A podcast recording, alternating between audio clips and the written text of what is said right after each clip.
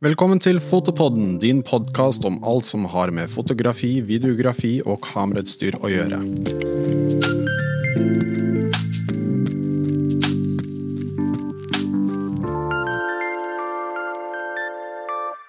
Hva er stegene man må gå igjennom for å gjennomføre en film? Hvordan kommer man på ideer? Hvordan pitcher man? Hva burde vært manusinnholdet? Hvordan finner man penger? Hva slags crew trenger man for å faktisk filme det man har skrevet? Og hvordan finner man et publikum? Alt dette skal vi snakke om i dagens episode, og vi oppfordrer lytterne våre til å dele sine prosesser med hverandre ved å kommentere på YouTube-videoen i denne episoden. Og med oss for å snakke om dette temaet har vi med oss Marius Myhrvel. Velkommen. Tusen takk. Eh, ta gjerne Fortell litt om deg selv. Du er en regissør. Ja. Eh, regissør og manusforfatter som til daglig er frilanser og skriver og eh, jobber med egne prosjekter. Og så gjør jeg reklame når anledningen byr seg, og for å få eh, salt i maten, holdt jeg på å si. Eller hva man sier. Ja, ja, ja. Eh, Utdanna fra Nordland kunst- og filmfagskole, og så har jeg fra i 2015 eller 2016, og glemmer jeg det, men eh, fra da så har jeg eh, ja, jobba, med, eh, jobba veldig mye med mine egne prosjekter, men også da fordypa meg i skuespillerinstruksjon, som jeg også da holder workshoper i hvert år. da. Kult. Og du prøver liksom å lage en kortfilm en gang i året? Ja, fra jeg var eh, Jeg husker ikke om det var når jeg var 16 at jeg liksom fikk det målet, eller om det var 20, men det var eh, i hvert fall etter et sånn folkehøyskoleår på Danvik folkehøyskole, Mm. eh, som jeg bare tenkte Jeg må lage en film i året, fordi veien inn er jo ofte det at du er assistent eller praktikant eller noe sånne ting, men frykten min var alltid at jeg skulle bli huska som eh, kaffebæreren, eller huska som, eh, som, eh, som assistenten. Ja. Eh, og da tenkte jeg at eh, jeg må alltid kunne liksom si at jeg har laga en ny kortfilm. Og, eh, og da blir det én i året, minimum, eh, som du skal ha laga selv. da. Siden det er jo litt sånn i bransjen, folk spør jo hele tiden hva jobber du på, hva jobber du på? Ja. Og da kan du genuint si det at liksom du jobber på en kortfilm. Ja, ikke sant? Og det er noe med det at, eh, at eh, ja, enn hvordan det går med den filmen, da, Ja. så, så er du huska faktisk som en regissør. Ikke for å sitere Pirates of the Caribbean, men hva er det han du er den verste piraten jeg har hørt om, sier han. But you have heard of me. Det er kanskje en sånn tanke jeg har hatt. At liksom, du skal i hvert fall vite at uh, ja, Marius han, han regisserer og skriver egne filmer. Mm. Uh, og da bare tørre å stå i det at eh, det du lager, ikke nødvendigvis på det tidspunktet blir det beste. da Ja. At du har i hvert fall gjort det. Du har i hvert fall gjort det og lært mye av det. Mm. Da er jo du en, en veldig riktig person, siden du er veldig produktiv, å snakke om eh, det vi skal snakke om i dag. Det var en forespørsel fra en av lytterne våre som ville høre litt om, om dette temaet. Ja. Eh, Vi skal jo fokusere inn da på kortfilmer, siden det er det du lager mest. Og vi kan egentlig bare begynne på starten. Eh, Når du har eh, Jeg vet at alle kreative mennesker sitter jo og, drodler på ideer hele tiden, men når er det du på en måte føler at en idé er verdt å begynne å skrive på? Ja, ikke sant? Nei, um, jeg tror at de fleste får liksom ideer hele tiden, men, men eh, når er det du får en historie? Og eh, jeg synes vi, eh, eller sånn, Folk snakker veldig om at du må skrive om det du er passionate about, eller liksom lidenskapelig. da. Men og For meg så tror jeg lidenskap ofte forveksles med sinne. Eh, så når jeg merker at jeg er sint nok eh, over et eller annet, om det er eh, ja, noe, jeg, noe som provoserer meg, noe jeg tenker mye på, da, eh, som jeg føler er underkommunisert, eller eh, som vi ikke ser så mye om. Eh, så det er, no, det er noe faktisk kanskje da holder deg litt våken om nettene. Altså. At, og det må, det må jo være såpass, fordi ja, vi vet alle eh, som har prøvd å lage en film, hvor mye det koster deg å få det på beina. Det er en liten kniv inn i armen og liksom eh, skjære av et eh, kjøttstykke hver gang. da.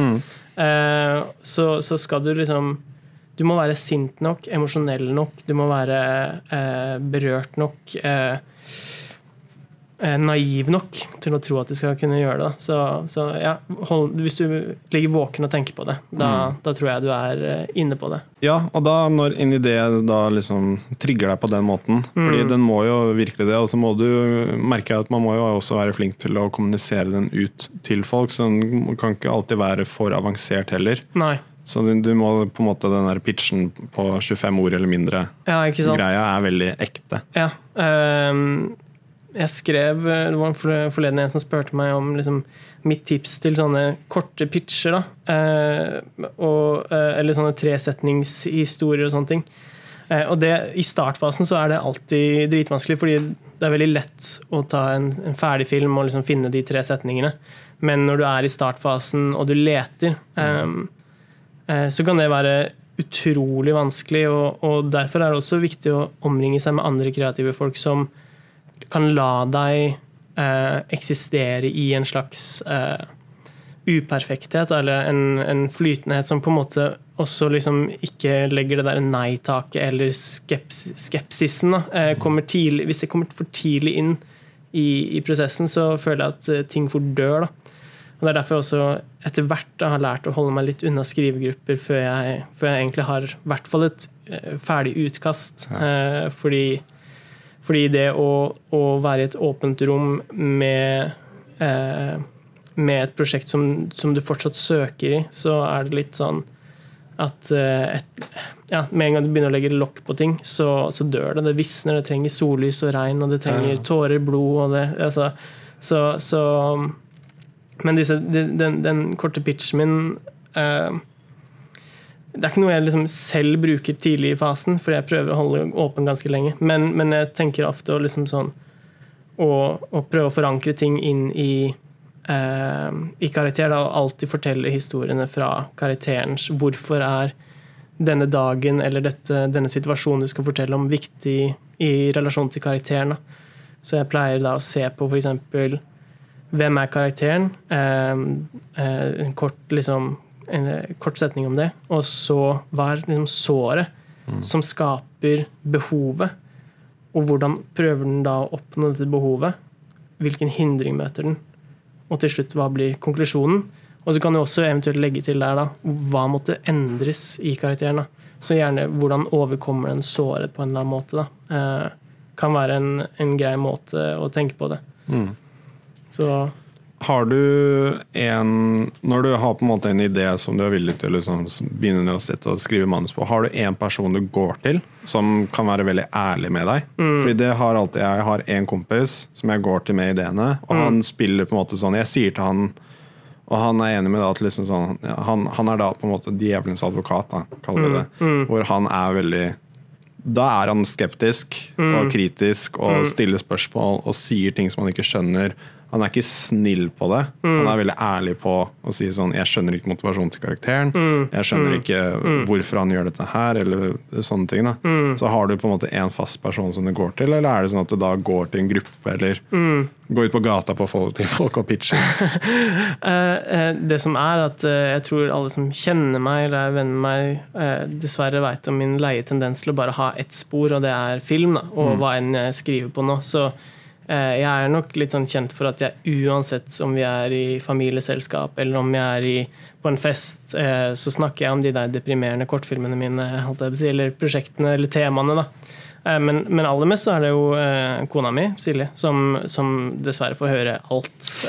Og hun har blitt veldig dyktig på, på nettopp det å høre disse Eh, vage, provoserende situasjonene eller eh, setningene jeg sier, og så klarer hun å skjønne at ok, Marius leter, så hun klarer liksom å skjønne om hun mm. skal eh, om, det er, om, det er, på tide å presse meg nå, sånn som kompisen din er, er dønn ærlig og sier dette funker ikke.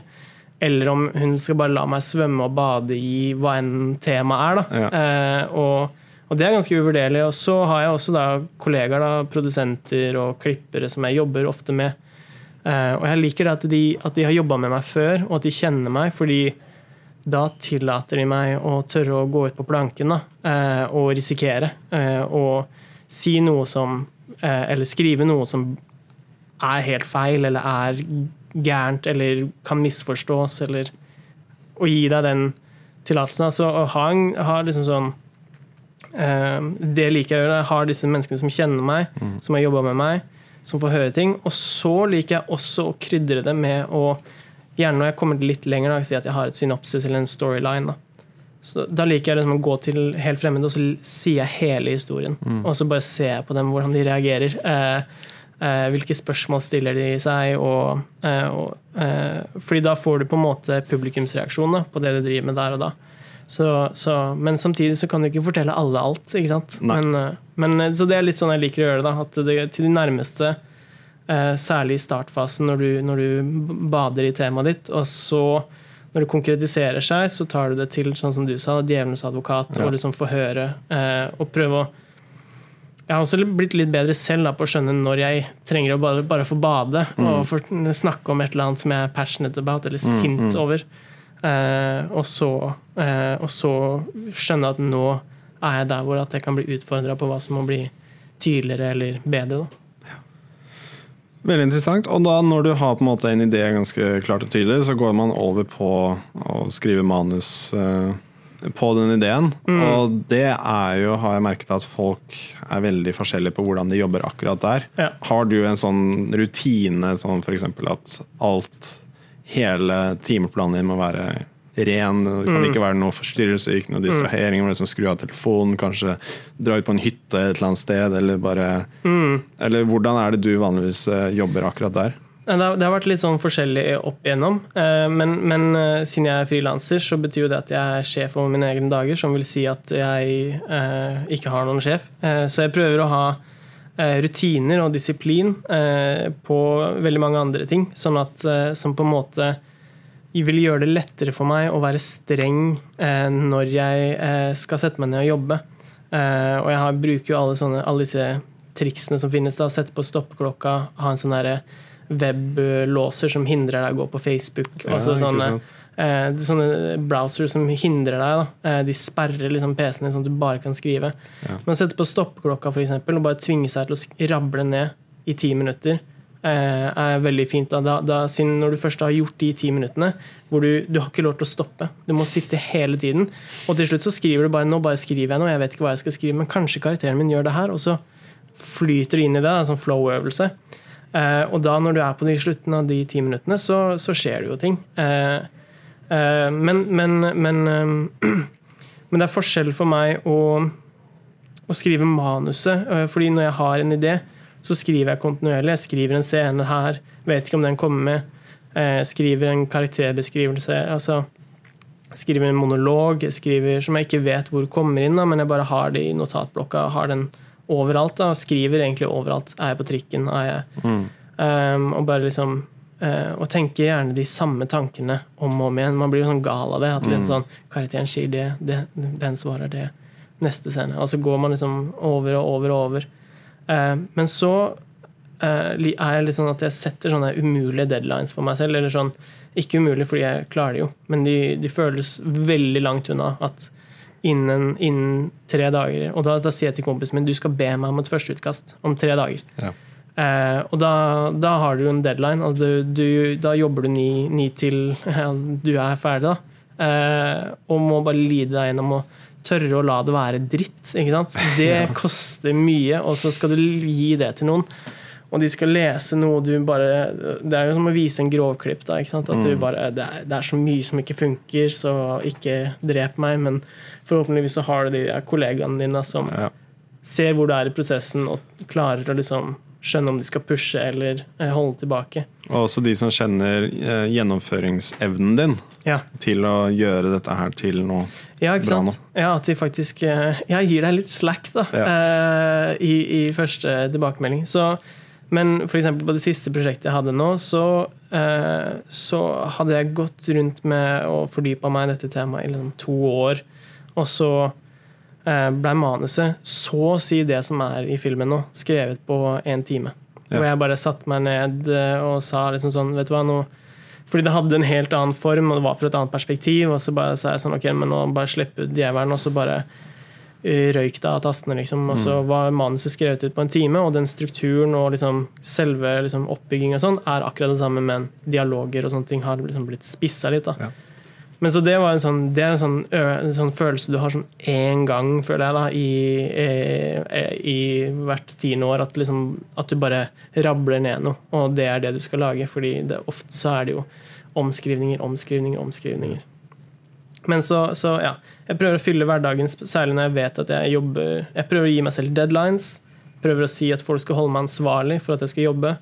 Prøver å eh, eh, eh, Um, eh, og tvinge meg til å skrive, om det så bare er min egen dagbok. Eh, og hvis jeg kommer til en scene som er vanskelig, så skipper jeg scenen til den blir lystbetont. Da, og prøver å gjøre det som skrive det som tiltrekker deg. Hvis du har den sluttscenen, skriv den. da. Altså, så, eh, så, så gjør du noe du liker, da. Det virker som du er veldig flink til å liksom nevne ut, si ut høyt at du jobber på dette her. Og det tror jeg det er noen som kan slite med der ute. Ja. Fordi da er du på en måte liksom, liksom katten er ute av sekken. Da. da må du faktisk eh, gjennomføre det, og siden folk spør hele tiden. Ja, ikke sant? Um, så det tror jeg er et veldig bra tips at folk må ta med seg. At liksom, si høyt at du jobber på ting. Fordi da blir du liksom litt sånn redd for å si at du når folk spør neste gang hvordan det går med prosjektet. Og så har du ikke gjort Og så har noe. du ikke gjort noe. Mm, Da, da, du vil liksom ikke si det, da. Nei, ikke sant? Så du må bli holdt ansvarlig. Og, og Det er kan noe- være skummelt. Ja, det kan være kjempeskummelt. Og det er noe med det at, eh, at eh, Og dette snakka vi litt om, altså, den naive troen og nesten sånn her narsissisten du må være for å komme her og si at jeg skal skrive noe som folk skal se eller lese, eller her er det noe som er verdt å se. Bare det å eh, vise en film er jo liksom sånn Se hva jeg har laga, eller ikke nødvendigvis det. Forhåpentligvis så sier du se på dette temaet, men at du er den som har laga det, det, det, det koster mye, da. Eh, Men, men, så det, så det, det er også en muskel man liksom må trene opp, tror jeg. Altså, og faktisk bare tørre å tro på en selv. Eh, Og tro at eh, jeg har faktisk eh, noe å komme med. Ja. Eh, Fordi det er jo ingen andre som vi snakker om som kommer til å tro på deg. Så da er det viktig at en selv tror på seg selv. Absolutt. Men, men, men jeg, jeg går lenge i research og eh, skriver Skriver gjerne mye hendelser som jeg ikke ser for meg skal være med i manuset. Eh, også når du lager en kortfilm, så tenker man ofte at du enten lager liksom slutten av akt én, der hvor på en måte helten blir tvunget ut på en helt ny reise, eller du lager eh, eh, løsningen på den ultimate krisa, på en måte. Da. Altså sånn, det er ofte da, så har du to sånne eh, Det er veldig tydelige vendepunkter som du kan bygge en historie rundt. Så jeg prøver da, hvis jeg liksom ser for meg at jeg er på den siste delen jeg skal lage, så, så skriver jeg eh, gjerne i novelleform eller romanform om karakterene og livene deres, og liksom bare prøver å ja, hvilke TV-program ser de på? Liksom. Så, så det, det er mye skriving som aldri kommer til syne i manuset, men det er bare for å liksom, stimulere eh, Ja. deg, eh, liksom det kreative i deg. Da. Og det handler også, da merker jeg sånn at du vet nøyaktig hvordan de kommer til å reagere på ting. Mm. Det er liksom litt sånn viktig også. Ja, fordi Hvis du ikke vet eh, hvem personen er, så kom, kommer du jo ikke til å klare å skrive reaksjonsmønstre, strategiene de bruker, og liksom eh, ja, hvordan eh, følelsesregister de sitter på. da.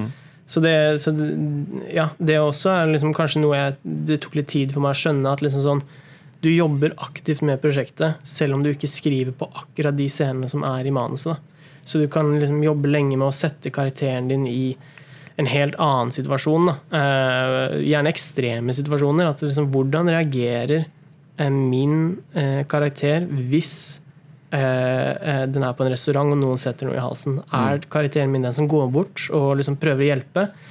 Er eh, karakteren min den som får panikkangst? Altså sånn, Hvem er karakteren min? da? Eh, også da gjerne med motparten, eller motstanderen eller, eller antagonisten. Hvordan reagerer den i situasjonen? Bare for å bli eh, liksom, og Du kan putte i 10 000 forskjellige settinger. da. Eh, og så prøve å finne minner. Det, det elsker jeg. Liksom sånn, minner som karakteren eh, på en måte Det er der jeg også føler jeg blir, føler jeg blir veldig kjent med karakteren min. da, er når, når den forteller meg et minne som var sårt eller vakkert eller nært for den, på en eller annen måte en opplevelse det karakteren hadde. Og da, da sitter jeg basically så ser jeg for meg at jeg sitter sånn som vi gjør nå, og snakker med karakteren min, og så spør jeg den spørsmålet. Ja. Eh, Så det er egentlig bare jeg som sitter der med øynene lokka og liksom skriver og hører på musikk. Men, men, men det har jeg også følt liksom, da kommer det fram ting jeg liksom sånn Det er som drømmer, da. At det, er sånn, det er veldig rart med drømmer at du kan eh, Folk har hemmeligheter for deg i drømmene. Eller sånn, Ja. folk lurer deg i drømmene. Folk eh, eh, du, du, Når du ser en drøm på en måte mens du sover, da, eh, så så, så blir du overraska over at det skjer, men det er jo du selv som finner på det. Og det er litt den følelsen jeg får når jeg later som jeg intervjuer en karakter. Da. Fordi da, det er jo ikke jeg. Og det er også en veldig kul ting med, med eh, Som jeg oppdaga når jeg har hatt eh, kurs for eh, yngre filmskapere, er at det er ofte et sånt press når man sier at du skal lage en film, du skal skrive en film. Eh, så å prøve å dirigere fokuset deres over på å bli kjent med karakteren, Fordi karakter, Hvis du kjenner en karakter, så skriver historien seg. Den, du finner ut hva behovet dens er, hva den vil. Hvilke strategier eller egenskaper har den? Jo, da finner du ut hvordan den vil prøve seg på noe. Og så gjør du det bare Du er jo liksom en djevelens advokat eller omvendt psykolog. Du gjør det bare vanskeligere for den. Si at den har agorafobi. da så er det jo frieriet blant 10 000 mennesker, holdt jeg på å si, altså sånn, eller et stort sted. Altså det gjør det bare kjempevanskelig for karakteren din.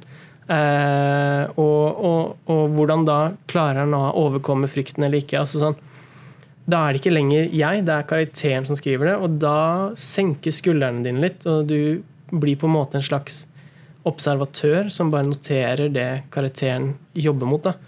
Eh, og det fjerner fort den derre 'Å, nå må jeg skrive noe som blir dritbra'. Da. Veldig kult. Og da, når du på en måte sier man er ferdig med et manus, og man da er klar til å produsere, så går vi inn på liksom produksjonsdelen. Og det er jo da du involverer eh, Da du liksom ikke sitter alene og skriver lenger. Da involverer man eh, veldig ofte flere mennesker som skal man skal eh, formidle ideen sin til, og som skal på en måte ta seg tid, og du har skuespiller og crew osv. Mm. Uh, liker du å jobbe vanligvis med et veldig stort crew, et litt mer intimt crew, eller hvordan er pros prosessen din akkurat der? Altså um, Jeg er veldig glad i uh, samarbeidet, og det tror jeg liksom sånn er noe som man innser etter hvert som regissør. At, eller sånn, jeg husker ikke hvem som sa det, men en, uh, du har liksom hvis du har ti hoder rundt deg, og du velger å bare bruke ett, så er du en idiot. Da. Eh, Men når du har da folk som er eh, eh, Spesialiteten deres er foto eller klipp eller sånne ting. Altså sånn, hvis du ikke utnytter den kunnskapen du har da, rundt deg, så, så gjør du en tabbe. da. Men, men jeg er nok glad i å jeg er sånn fan av den derre lag film med vennene dine. Eller sånn, og, og vil gjerne håndplukke alle som skal være med, fordi jeg vet at de bringer en viss energi til settet og sånne ting. da. Eh, Men for å ikke gå i forkjøpet her nå, så, så nå er vi da ved manuset, og jeg vil få dette produsert. da. Ja. Og da er det å finne en produsent som eh, eh, Eller en god venn som jeg ser for meg at eh, kan hjelpe meg med dette. da, Og, og ta den med på kafé. Se på at de leser manuset foran deg. Eh, eller, eller så har de lest det på forhånd, og så få, få en eh, vibe da, av dem, eller hvordan de kikker på det. Og, eh, og så si at ja, dette prosjektet skal jeg lage, og jeg vil gjerne ha deg med på det. Og det øyeblikket må du alltid definere som at det er på død og liv, eller sånn dette skal lages. Penger eller ikke penger, eh, mobilkamera eller ikke. Til syvende og sist da, så skal dette prosjektet lages. Eh, det er ingen vei utenom. Mm. Og da går man, eh, går man inn i den kontrakten om at ja, det skal lages. Og, eh, og så liksom sikter man høyest, eller høyt først og prøver å få finansiering. Man prøver å gjøre det på akkurat den måten du trenger, eller visjonen krever. Og så setter man en, en sånn tidscapsule, altså tidslokk, altså sånn deadline. Da. Og, så hvis du ikke når disse tingene, og du ser at de ikke kommer til å gå, så må du finne andre løsninger som gjør at du rekker å gjøre det innenfor der. Da. Fordi da, da lager du noe. Og litt sånn som vi har snakka om også, at det er noe med det å, å si at dette var det jeg fikk til nå. Eh, Da vil i hvert fall verden se at du er en filmskaper som skriver og regisserer, eller du lager noe, eh, og du har gjort noe. Eh, Og det vil kanskje hjelpe deg da i neste runde å nå visjonene da. også. Og igjen, til syvende og sist så er, er det historier, og det er eh, opplevelser man lager, men det er ikke hva du fikk med Red eller Arya Mira. Liksom. Altså sånn, til syvende og sist så er det historien. da. Selvfølgelig så blir ting vakrere med bedre Absolutt. utstyr, men, eh, men, men, men eh, jeg tenker at det er viktigst å faktisk ha laga noe. Da. Eh, Og eh, igjen, hvis, hvis det viser seg altså sånn, Man kan alltid lage filmen igjen hvis man ser muligheten for det også. Men så da er det å da rekruttere, da. Og rekruttere da produsent, og så uh, gjerne som da har et AS, eller som er i et AS, og så sånn at man kan søke og sånne ting. Um, eh, men med denne viten om at får vi ikke penger, så skal vi uansett gjøre det, og da må vi ha en backup-plan. Er det en 5D et sted? Er det hvordan kan vi gjøre lyd, og hvor mange dager trenger vi, og sånt. da. Mm. Eh, men jeg, Tenker du på det når du faktisk skriver? At det er gjennomførbart? Hmm, nei, du, du kan på en måte ikke det. Fordi med en gang du setter på barrierer og sånne ting, så, så der, der skriver jeg bare og bare Jeg liker å tenke på en sånn som blæ.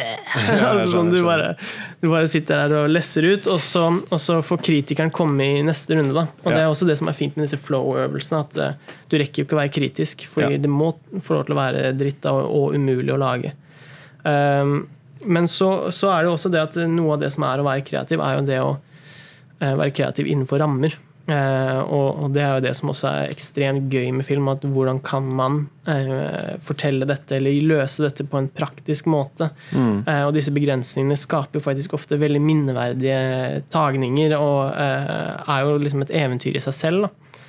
Eh, så det er jo ehm, eh, det, å, det å se prosjektet sitt, og så er det jo da med produsentene å filtrere det gjennom at hva er spetakkel og eh, ekstravaganse som på en måte er overfladisk, og hva er det som er forankra i substans, da, eller hva er det som er historien din. Eh, og da er det sånn at eh, man prøver å finne en produsent som som tenker at ja, jeg skal jo få midlene til å fortelle det vi trenger, eller til det vi trenger for å fortelle historien. Og hvis det helikopterskuddet er dritviktig, så er det der du legger inn eh, arbeidet. Da. Eh, du må ha en sånn, eller sånn Det liker jeg hos eh, produsenter, da, når de liksom går gjennom, og eh, at de faktisk da kutter ubetydelige ting før de kutter liksom ja, det som på en måte er rota til visjonen, eller hvis det er liksom forankra i noe som koster. Da. Så det å ha en produsent som gjerne vil gå manusrunde med deg, som, og ikke bare sier 'nei, du kan ikke det', 'nei, du kan ikke det', men, men jeg har tenkt litt på det. Hva er, hva er visjonen til regissøren? da? Eh, siden man er alltid ute etter å finne visjonen. da. Men så si nå, nå har jeg laga en film, og jeg klipte grovklippen eh, nå som akkurat sånn jeg hadde liksom Det var som å dra den ut fra hodet mitt. Jeg har aldri hatt en sånn opplevelse, siden det blir alltid masse forskjellig, og sånt, men nå liksom dro jeg den ut av tinningen min, og så var den foran der. Og så viser jeg den. Eh, god respons, det må jeg si. Men, men, men de får en annen opplevelse enn det jeg får av de samme sekvensene. Noen av sekvensene. Så det er spørsmålet mitt skal jeg, Er visjonen min de fysiske bildene og lydene og summen av det som er der? Eller er det følelsen som jeg har lyst til å skape i publikum, som er visjonen min? Så jeg kan endre bildene, så de ikke ser ut som det jeg så for meg, men så får de den følelsen som jeg ønska meg. Hva er visjonen din? Er visjonen din opplevelsen eller faktisk bildene, og så får bare 20% få den følelsen du fikk, da? Hva er egentlig visjonen din, da? Eh, og, og tidligere så har jeg alltid liksom landa på at visjonen min er opplevelsen. Nå som jeg har liksom dratt filmen ut av hodet mitt, så er jeg litt sånn jøss. Men, Ja. men, men det er, da, blir det sånn spørsmålet er det feil at folk opplever det sånn. Eller, eller, er, eller er, er Fordi folk vil uansett oppleve det forskjellig. Men, ja, men det er en veldig interessant greie da, om hvor du Absolutt, skal, hvor skal du holde mener. igjen. Hvor skal Ja. du holde igjen, og hvor skal du gi? da Um, uh, og særlig da når du er i manusfasen og du, du liksom Spørsmålet er skal vi få en dag til med opptak, eh, eller skal vi få den uh, sinnssyke biljaktscena, eller gudene Ja, veit hva du ja. planlegger, da. Ja, da, det, det er mange det er en, Jeg tror du aldri vil finne et svar som vil funke for alltid. Du må alltid ta kampen hver gang. da. Hele tiden. Absolutt. Uh, vi kan jo gå tilbake litt grann på det vi snakket om med finansiering og støtte. I Norge så er det veldig mange støtteordninger for kreative og, og kulturelle ting, som er veldig bra. Men det er jo ikke alltid like lett å få penger Det er ikke som lett man å få tror. penger. Nei, absolutt ikke. Um, og eh, jeg selv, og jeg kjenner jo veldig mange som både har eh, fått støtte og ikke fått støtte. Um, hva er liksom prosessen der vanligvis? Da er det produsenten som tar seg av det mest, mesteparten av tiden. Mm. Jeg, er ganske, som, jeg er ganske hauk når det gjelder søknaden og sånne ting, fordi eh, Eller i hvert fall ikke, når, ikke, ikke på det liksom rent kalkylemessige, da. Mm. Men, men alt av liksom det som kommer inn kreativt og sånt, selvfølgelig, så er jeg veldig sånn over da, Passer på at ja, en, en setningsformulering kan være forskjellen, tenker jeg, på Ja. at de får tro på eller ikke tro på prosjektet. Så det er veldig sånn rar greie at du må nesten være klar til å eh, gå i produksjon på dagen. Eh, du må ha casta, du må ha, du må ha liksom alle disse tingene klart. Du må ha planen for når den skal vises, og hvilke festivaler du ønsker deg, eller hvilke visningsarenaer du ønsker deg. Alt må være klart, eh, selv om det kan, du kan få nei, og da er det et helt år til neste søknadsfrist. Da, er Gjerne hos NFI og Viken, som er der jeg har søkt, som oftest, og, og, og Fond for lyd og bilde. Så, så, så, så er det liksom en hel um, en hel ny sesong da, hvor du ikke lager film. Og Ja. for det siste prosjektet jeg gjorde, så har jeg jo fått uh, hvert fall, eller sånn fra forskjellige søknadssteder, så har jeg jo fått fire-fem nei liksom til sammen. Og det er liksom sånn suck it up, bit sammen tenna, og så tenk på den tidsfristen du har. da, og Vi, vi var jo så nære um, å faktisk skyte det nullbudsjett, men så plutselig så fikk vi liksom til Eller sånn, du havna i sånn her midt mellom fordi du fikk tilskudd ett sted, men det var med forbehold om at du fikk mer. Og da står du sånn enda mer i limboland, men så heldigvis så, så, så gikk det gjennom da. Men, men prosessen er jo det at du må, du må eh, rett og slett, i tillegg til manuset, så må du ha gjerne visuelle ting. Altså bilder du har tatt, eller eh, inspirasjon fra andre eh, filmer. Og lage Uten å lage filmen, vise filmen. Ja. Eh, basically, da. Eh, sånn, at, eh, sånn at de som, de som sitter og vurderer søknadene, ser at dette her er et helhetlig prosjekt, og det kommer til å ha en effekt, eller ha den effekten de ønsker, da. Um, eh, jeg har fått Jeg har jo på en måte Jeg har bare en ydmyk erfaring, med, men jeg har fått to prosjekter finansiert av Viken NFI, og NFI. Eh, og det vi eh, Da er det liksom Det er mye jobb med stor usikkerhet. Du vet ikke om du får penger, så, så du må jo hele tiden livnære deg ved siden av. eh, og og eh, på en måte bare ja, gutse på. Da, da hjelper det å vite at vi lager den uansett, penger eller ei. Det skal vi. Men vi vil prøve å få penger først. Da Og det er noe med det å ha den innstillinga. Det er på død og liv. Da eh, Da blir den laga. Og jeg tror også det skinner gjennom i en søknad. For, for de yngre, da, sånn når jeg var sånn eh, eh, Gikk på folkehøyskole, var rett ut av videregående, og sånne ting, så var det jo på en måte det å gå til kommuner. Eh, eller liksom gå til kommunen jeg bodde i.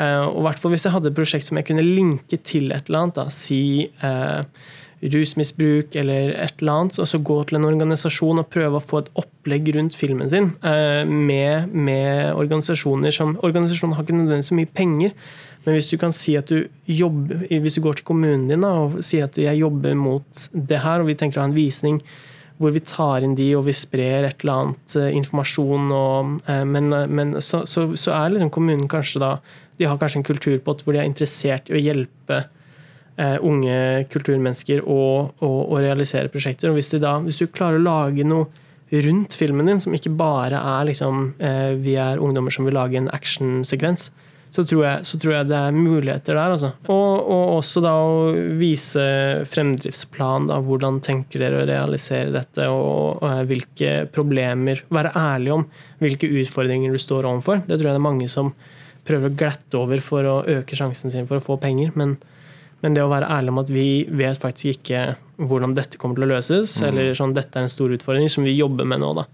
Det tror jeg også vekker litt tillit. Da, at de ser at eh, ok, men disse er i hvert fall klar over problemene sine. De prøver liksom ikke å skyve under teppet. Ja. Så, så en søknadsrunde er eh, mye arbeid og lite altså sånn, Det er jeopardy. Du vet aldri om du får en, og du konkurrerer på NFI og sånne ting, så konkurrerer du jo med, med de beste i Ja, landet, liksom. Og veldig etablerte folk. Så. Og så er det det å ikke bli demotivert når du får et nei, da, fordi ofte Man må også tenke at det sitter et menneske på, bak søknadsbordet, eh, eller som leser søknadene, og den personen eh, trodde kanskje ikke på prosjektet ditt nå, eller tenkte at det ikke var helt klart ennå, eller så var det bare mm, beinhard konkurranse.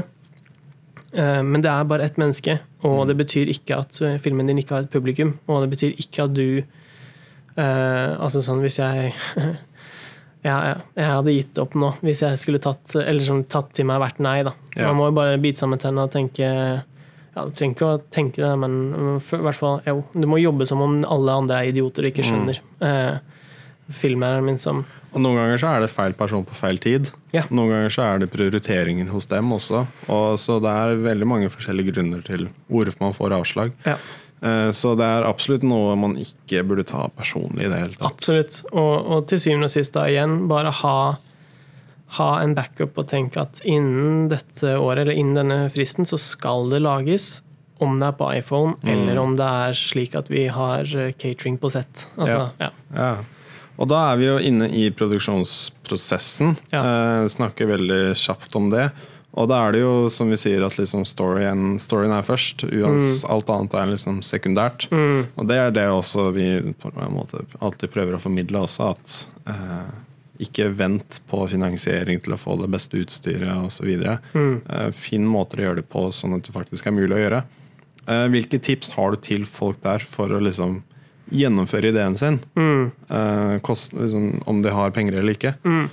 Nei, det er f.eks. å se Dogville. da. og Ja. bare se at, eh, at eh, historier står seg. Eh, og, um, og det er liksom noe med det å eh, og Eller å se Festen, f.eks. Altså sånn, og bare bli klar over da, at så lenge du har et engasjerende narrativ, eh, hvis du lager narrativfilm, da, eller engasjerende ting som skjer på skjermen, så aksepterer man gjerne et ufokusert bilde. Man aksepterer iPhone-bildet. altså sånn, Formater aksepterer vi fortere enn en dårlig spill eller dårlig manus. Eh, da faller vi av veldig fort. Mm, men sånn konkret da, så er det liksom da å I hvert fall hvis du er ung da, og, og på veien, og dette, dette er jo det man hater å høre når man er ung, at liksom sånn hver em, Bruk det som en kreativ utfordring å måtte lage noe lite. Og prøve å gjøre det godt. Eh, Og det er også på en måte en fordelsaktig hvis du er veldig opptatt av at din visuelle stil fordi vi skal ikke underbygge den visuelle kraften eh, en film har. Det er et visuelt medium. Så selvfølgelig så er, det ikke sånn at du eh, altså sånn, Bilder har en slagkraft i seg selv. Så, men det er også da en åpning. Da, hvis du har en ramme på to dager innspilling eller tre dager innspilling til din første kortfilm, da, si, si det, så, så er sjansen for at, at du kan leie eh, et godt utstyr eh, til en billig penge mye større da, enn hvis du trenger det i fem-seks dager. Da. Um, og, og, så, så det er det første, da. Prøve å um, vise at du evner å fortelle en historie på kort tid først, før du beveger deg over de lengre formatene. Og det er bare å være logisk. det, altså sånn Jo lenger, jo større sjanse for at ting går gærent og at ting går feil. Og jo flere variabler, jo, jo større er risikoen. da. Mm. Så det å, eh, det å vise at du kan lage eh, historier som viser din registemme eller din manusstemme eh, i et kort format, det, det tror jeg er et veldig godt springbrett. Og jeg tror i hvert fall da, sånn som jeg selv var da jeg var 16-17-18-19 at du, vil, du tenker stort med en gang, ikke sant? Og at du, um, men, men, eh, men når jeg liksom fikk en manusveileder eller en veileder borte på Mediefabrikken som begynte å liksom spørre meg da, men hvilke historier kan du fortelle, liksom. Eh, og da liksom uh, skjønner jeg at ok, så hvis jeg tar noe jeg har kjennskap til, og jeg har eh, Som ikke krever verdens største eh, produksjon, så kan jeg gjennomføre det godt, da. Um, så det er liksom det første tipset. Og, og da tenker jeg ofte på liksom sånn, Prøv å tenke på historier som er én hva skal man kalle det, en eh, viktig dag i livet. altså sånn En dag hvor alt endra seg. Eller en dag hvor, hvor man innså noe. altså Sånne coming of age-historier for unge filmskapere. fordi de alle, alle har Jeg sier ikke at alle skal lage selvbiografiske ting, men, men det er noe med det å eh, Hvis du har noe du kan relatere til, som du forteller, eh, så, så får du et større eierskap til det du forteller også. da. Selv om det er veldig fett å lage actionsekvenser, liksom, så er det ikke alle som har hatt en biljakt i livet sitt. Ok, og si at du har klart da å produsere, faktisk filmet hele filmen din og, og gjort alt det der, så går man jo over på postproduksjon. Yes. Og der hvor alt liksom kommer eh, Blir satt sammen, og du Mm. innser hvor mye du angret på å ikke bli Ja. en ekstra time på kvelden og få den perfekte solnedgangen eller Ja, noen sånne ting. ja. Og, og egentlig hele scener som du bare ser at i klippen ikke funker. Ja. Og du har, eh, ja, du har lyst til å Og der tror jeg det er absolutt viktigst å vise den til folk underveis, mm, mm, for at folk alltid følger med på mm, historien. Da. Som du sier, at man detter ut med en gang man ikke er helt med på historien. mm, Og i klippen så er det veldig, veldig, veldig viktig da, å kunne liksom vise den til folk og få dem til å prøve å forstå. Du sitter og liksom og ser på reaksjonene deres. ja, ja, på. ja, og hører hvor de gisper, og hvor de puster, og hvor de blir stille, ja. Og, eh, og hvor, de, hvor de flytter på seg setene. Fordi det er et dårlig tegn, Fordi da, da, de, da tenker de mer på at de klør, enn at de er midt inne i en intens scene. Eller hvis de går etter telefonen sin. Ja, oh god. det, det, det verste fornærmelsen du kan få. mm, uff a meg. Eh, nei, men, men eh, der tror jeg liksom sånn Når det kommer til post, da, så tror jeg veldig på det å um, det er, Jeg mener at det er eh, Selv om jeg klipper så å si alle filmene mine selv, så klipper jeg med en klipper. Eh, og vi er på en måte litt sånn at vi klipper annenhver scene, eller eh, Og vi er egentlig ikke ute etter hvem som har klippet hva. Eh, han står som klipper, og han er klipperen på prosjektet mitt, selv om jeg er veldig mye med. da Eh, men, men det vi på en måte eh, Det jeg liksom får ut av klipperen min, er jo ideene, forståelsen hans av scenene, eh, flyten i filmen. Eh, og eh, det er noen ganger jeg har blitt, eh, vært så frustrert, eh, særlig på eksamensprosjektet mitt, Frysninger, så var jeg så frustrert, for jeg fikk ikke en scene til å funke. Og så viser han meg en klipp hvor han har fått scenen til å spille, og jeg bare jeg blir helt sånn oh shit, det hadde jeg ikke sett komme. Så det, det å eh, ja, vise filmen og eh, få andre til å eh, hjelpe deg, eller sånn få andre blikk på det. Eh, fordi ja, det er dette med hva er visjonen din igjen. Ikke sant? Og at, og at hvis flere, hvis ni mennesker ser visjonen din i hans klipp, versus at du ser visjonen din i din klipp, og Mm. du er den eneste. Så, så ja, det, det er i hvert fall et dilemma, da. Hva, hva du velger. Jeg skal ikke si at det ene er bedre enn det andre, men, men det er noe å tenke på, da. Mm, så, men, men også i forhold til det å liksom få hjelp da, til å grade lydlegge og sånne ting. Og det, det jeg har opplevd, er i hvert fall at når du da har valgt deg en historie som ikke er overambisiøs, fordi det å komme til lyd, en, en lyddesigner og si Hei, du, jeg har en 45 minutter novellefilm med masse action og sånne ting, eh, som er laga på lavbudsjett, så vi skulle ønske at du kunne eh, mekke det for oss så, fordi du har tro på prosjektet. Så selv om den personen har tro på prosjektet og digger det, så er det ekstremt mye arbeidskraft, og personen har en familie som den må brødfø, og det er det, det, er det urealistiske i det at du faktisk får gjennomført det.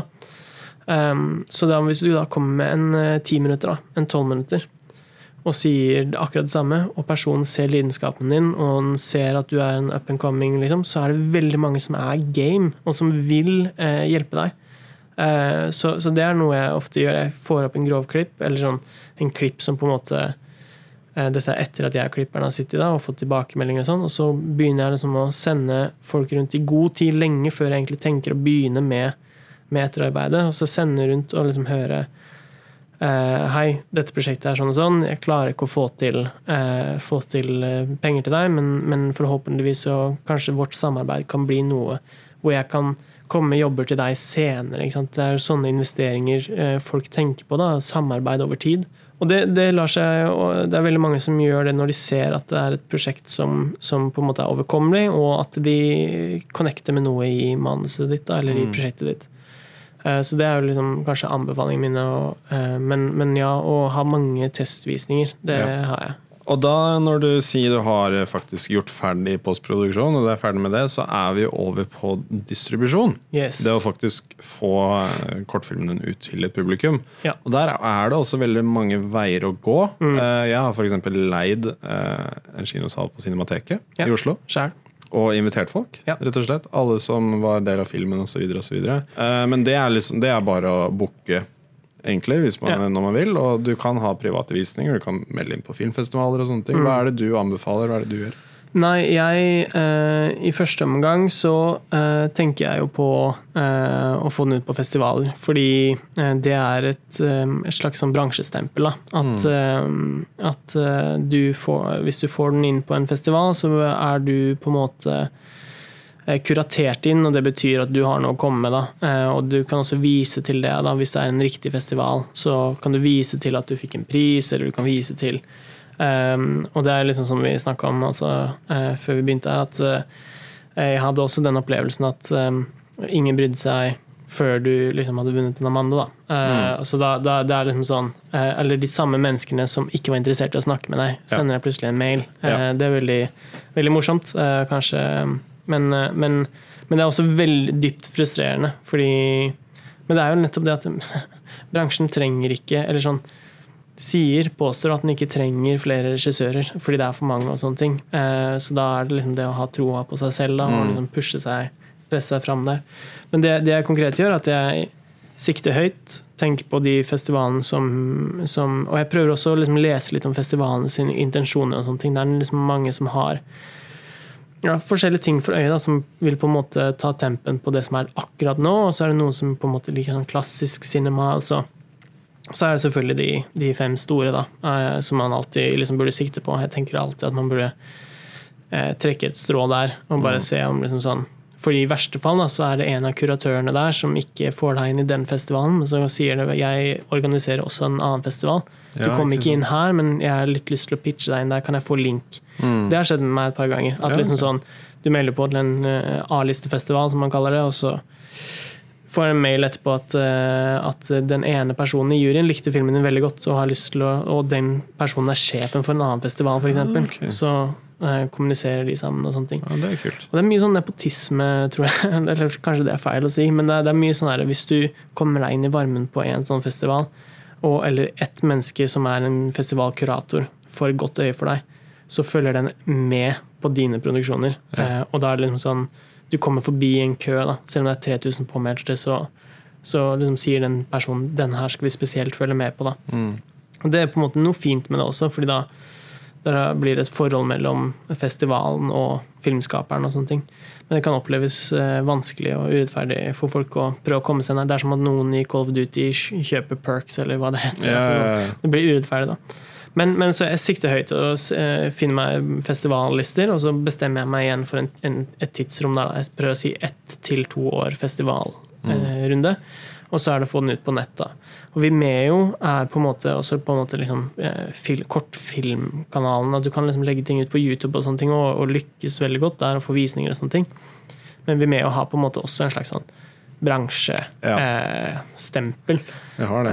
Um, så, så, og hvis du får en staffpick der, da, eh, så vil du jo kunne nå til en ganske stor stor gruppe mennesker. Um, uh, fordi de låser liksom filmen din på forsiden, og sånt, og da får de masse visninger og sånn. Uh, og det kan også igjen føre til flere festivaler og sånne ting. da. Det jeg har merket veldig spesifikt med når det kommer til sånne ting, og det er liksom produsere ting på nett og, og, og legge det på nett, er at liksom sånn det er ikke alltid kjempenødvendig å ha veldig mange views for å føle at du har lykkes, men hvis du treffer riktig person på riktig tid, Ja, som da sender deg en mail og sier 'jeg ønsker å samarbeide med deg på neste prosjekt', det er på en måte nok. Det er på en måte alt verdt det. Ja, ja. Fordi da har du på en måte kommet deg til neste steg med riktig person. Da. Og det, er- det er den ene siden. Men også publikummeren, som på en måte bare sier 'jeg ble helt satt ut av det her', eller 'jeg ble helt liksom Wow, gratulerer med bra film'. Mm. det gjorde inntrykk. Å få en sånn en også, selv om vi er, vi er ekstremt flinke til å ta bare til oss de negative kommentarene, og ikke de positive. Ja, du Eh. sitter og tenker på den ene negative Yes. mot ja, 100 positive. Ja.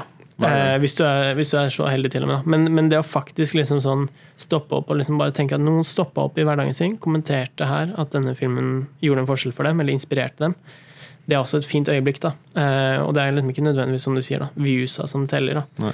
Og målet, hva er målet ditt? Er det Colosseum? Festpremiere på Colosseum? Eh, jeg har blitt veldig glad i disse, eh, disse nye kinosalene. Oppe på Storo der. Den der, Ja, ja, Odeon. Ja, Odeon, ja. Eh, Så jeg vil, neste gang så tror jeg jeg vil prøve å ha en visning. Men det er liksom kjipt å reise opp dit, kanskje. Så Cinemateket er jo der jeg har hatt det, og sånne ting, og det er liksom fint fordi det er en bar der, og det er liksom intimt. Kanskje Vika, hvis de er gira en dag. De også Mm. fine saler. Men, eh, men eh, ja, nei.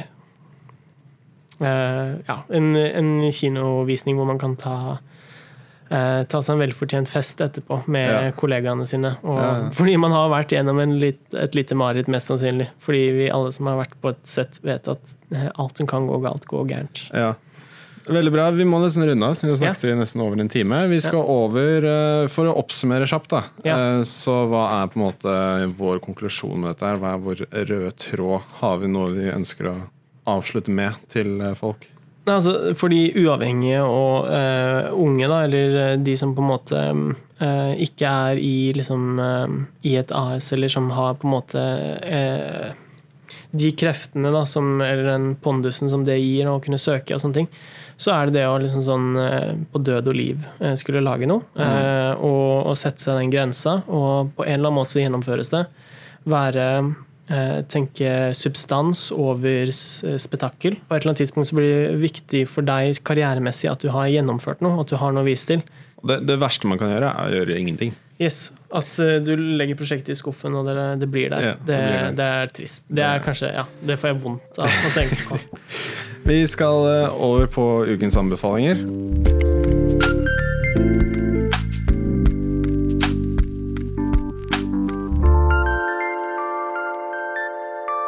Og Ukens anbefaling er en spalte vi har eh, hver uke, hvor vi kommer med en anbefaling til eh, lytterne våre. Det kan egentlig være hva som helst. Eh, har du en, noe du ønsker å anbefale folk?